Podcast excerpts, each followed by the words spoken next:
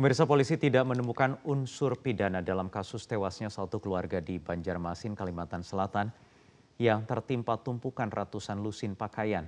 Polsek Banjarmasin Timur menyebut dari hasil penyelidikan tidak ditemukan unsur kekerasan ataupun dugaan tindak pidana. Menurut Kapolsek Banjarmasin Timur, AKP Puji Firmansyah, sebelumnya pihak kepolisian telah memeriksa beberapa orang saksi untuk penyelidikan mulai dari pemilik rumah yang menjadikan rumah sebagai gudang penyimpanan pakaian, serta beberapa orang warga dan keluarga korban. Namun untuk melakukan otopsi terhadap para korban tidak dilakukan karena ada penolakan dari keluarga. Saat ini polisi masih mendalami berbagai kemungkinan penyebab lain terjadinya peristiwa yang menewaskan satu keluarga penjaga rumah yang dijadikan gudang penyimpanan pakaian di Banjarmasin. Sebelumnya diketahui satu keluarga yakni ayah, ibu, dan anaknya yang berusia enam tahun ditemukan tewas di sebuah rumah di Jalan Ratu Zaleha, Gang Ki Hajar Dewantara 2, Banjarmasin Timur pada Jumat malam. Polisi menduga ketiganya meninggal dunia akibat tertindih tumpukan pakaian yang berada di dalam rumah yang dijadikan gudang penyimpanan tersebut. Untuk hasil visum semalam sudah keluar, jadi sekitar pukul 1 malam tadi uh, sudah keluar bahwa tidak ada tanda-tanda kekerasan ataupun tanda dari benda tumpul ataupun benda tajam. Uh, kalau untuk otopsi mungkin otopsi yang kita tidak lakukan karena dari pihak keluarga tidak berkenan untuk dilakukan apa otopsi. Ya, lalu seperti apa pengembangan penyelidikan terhadap kasus kematian satu keluarga di Banjarmasin tersebut? Kami akan tanyakan kepada Kasat Reskrim Polresta Banjarmasin, Kompol Alfian Tri Permadi. Selamat sore Kompol Alfian. Jadi bagaimana uh, hasil penyelidikan yang sudah bisa kami terima? Ya, jadi perlu kami sampaikan di sini uh, kami menerima laporan uh, dari masyarakat terkait terjadinya penemuan mayat satu keluarga di TKP-nya di Jalan Ratu Juleha, Dewantara, uh, masuknya dalam Banjarmasin Timur, Kecamatan. Lalu eh, laporan awal hari Jumat tanggal 10 September pukul 21.30 eh, eh, kami tim bergerak ke TKP untuk melakukan olah TKP di sini. Olah TKP dilakukan oleh tim Inafis eh, Polresta Banjarmasin dan Polsek Banjarmasin Timur. Lalu pada saat kami melakukan olah TKP eh, masih di TKP belum ditemukan uh, peristiwa pidana mas karena hmm. melihat uh, di TKP uh, eh, tidak ada keganjilan-keganjilan yang berkaitan dengan peristiwa pidana tersebut. Ya, uh, Mas Alfian, apakah artinya penyelidikan ini dihentikan karena tidak ditemukan unsur kekerasan, dugaan kekerasan atau pencurian? Uh, jadi untuk penyelidikan masih kita dalami mas oleh penyidik hmm. e, berkaitan dengan masalah perizinan gudang maupun masalah kelalaiannya. Karena hmm. kita sama-sama kita ketahui TKP ini e, merupakan sebuah rumah tapi yang dirubah menjadi gudang. Ya. Nah, apakah dengan di TKP tersebut layak apa tidak dijadikan gudang? Nanti sedang kita dalami. Jadi kalau untuk dugaan uh, kekerasan atau pencurian tidak ada, tetapi masih didalami untuk kemungkinan tindak pidana yang lain begitu ya? Betul. Jadi untuk uh, kekerasan terhadap korban itu sendiri hasil visum memang tidak ditemukan, tidak ditemukan. Lalu kita dalami terkait uh, peristiwa lainnya, pidana lainnya. Baik. Jadi rumah ini tempat peristiwa ini, eh, tempat kejadian perkara ini sebenarnya apa? Digunakan untuk apa? Pusat konveksi, usaha konveksi, atau gudang saja penyimpanan barang-barang? Lah, jadi untuk TKP sendiri ini sebetulnya gudang ya untuk penyimpanan barang-barang yang siap edar. Jadi hmm. ditumpuk dalam satu tempat di sini, sama-sama kita bisa lihat di video bahwa tingginya sampai 3-4 meter Mhm.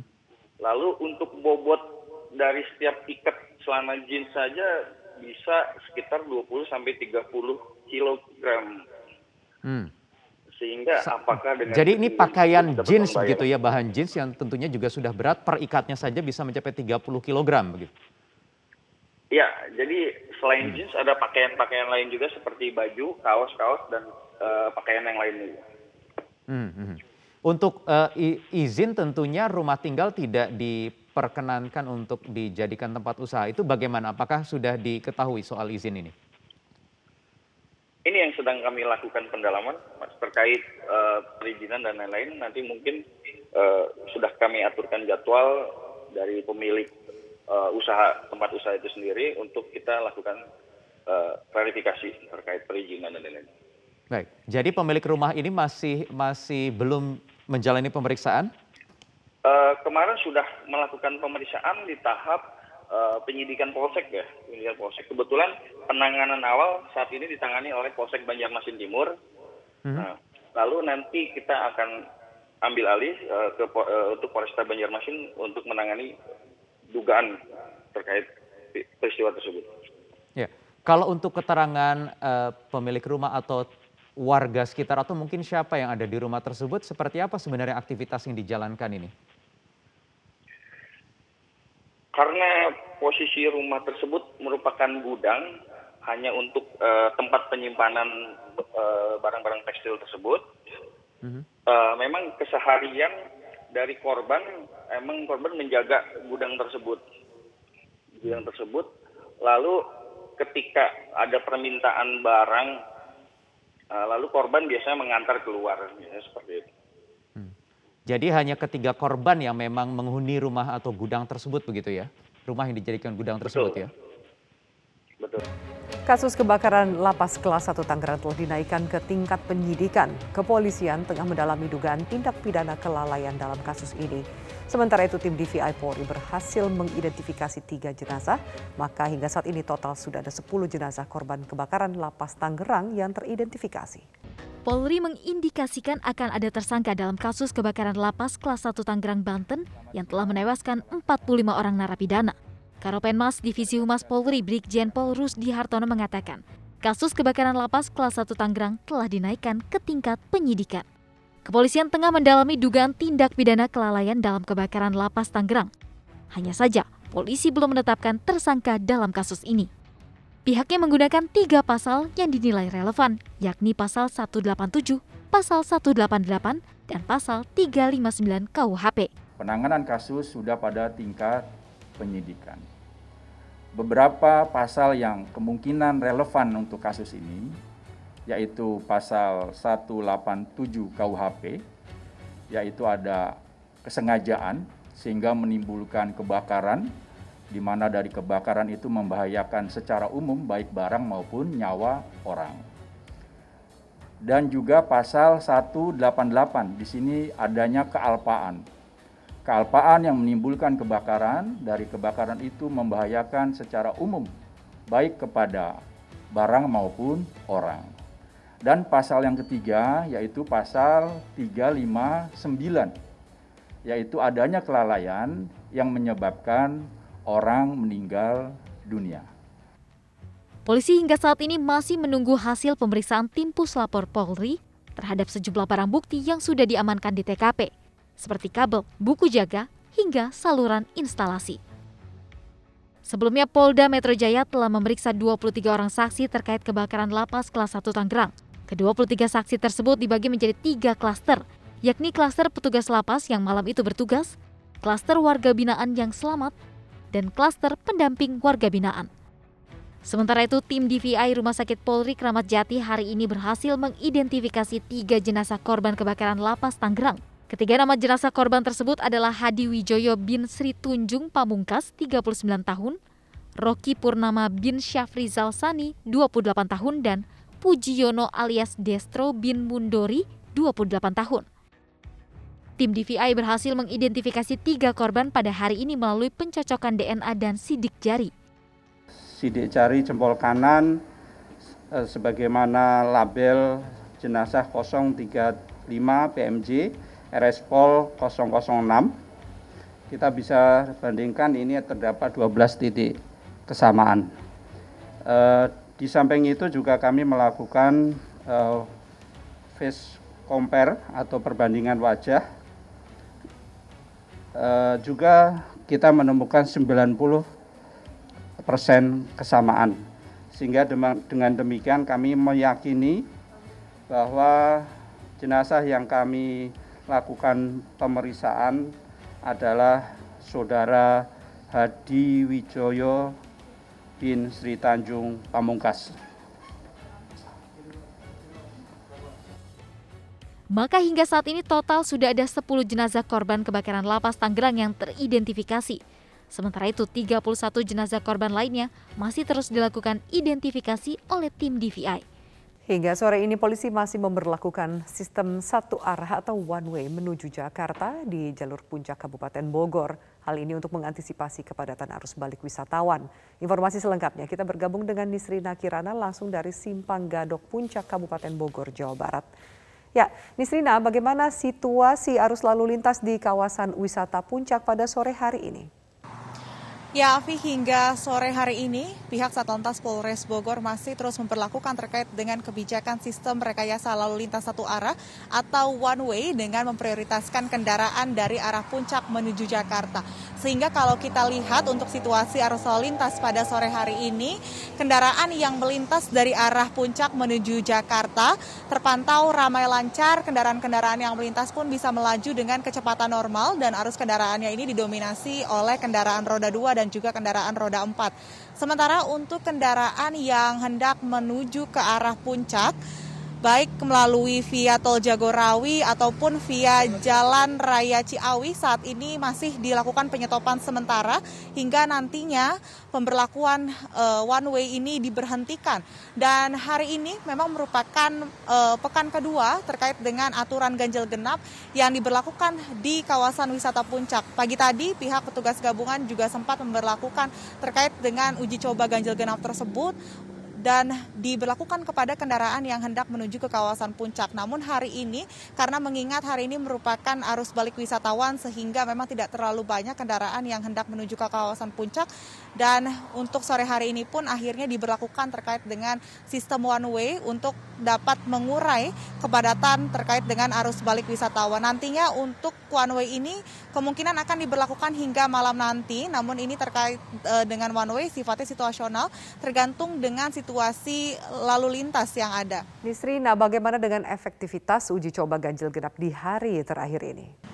Ya, Afi, untuk diketahui terkait dengan uji coba penerapan ganjil genap di kawasan wisata puncak ini sudah berlaku sejak tanggal 3 September 2021 lalu dan kebijakan uji coba ganjil genap ini diterapkan sebagai upaya untuk menekan terkait dengan uh, mobilitas masyarakat atau wisatawan yang hendak berwisata ke kawasan puncak apalagi sempat membludak pada pertengahan bulan Agustus lalu. Dan kebijakannya terkait dengan ganjil genap ini untuk evaluasi pekan kedua dikatakan oleh pihak Lantas Bogor bahwa ternyata memang mampu untuk menekan mobilitas warga yang hendak berwisata ke kawasan puncak hingga 30 hingga, uh, sampai dengan 50 persen.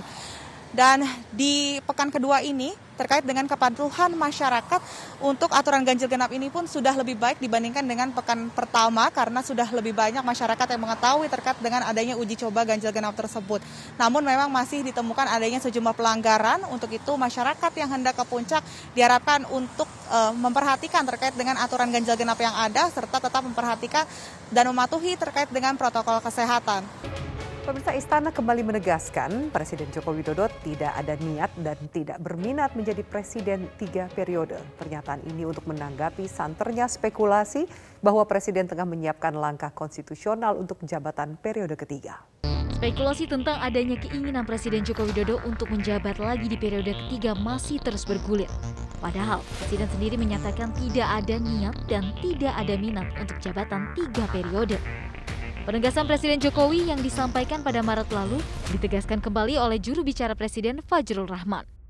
Berdasarkan pernyataan Presiden Joko Widodo pada 15 Maret 2021, saya tidak ada niat, tidak ada juga berminat menjadi presiden tiga periode.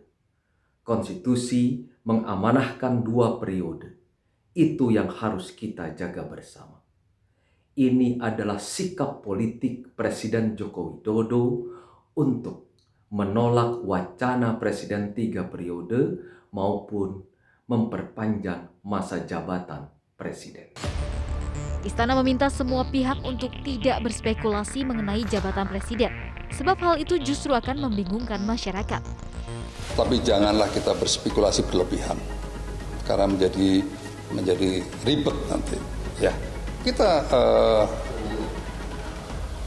ber, ber, berpikir yang positif, karena spekulasi yang berlebihan nanti akan membawa ekses yang semakin lebar dan membingungkan bagi semua pihak. Sementara itu, tenaga ahli utama kantor staf Presiden Ali Mukhtar Ngabalin menyebut, pihak yang main-main dengan isu ini ingin membenturkan Presiden dengan rakyat.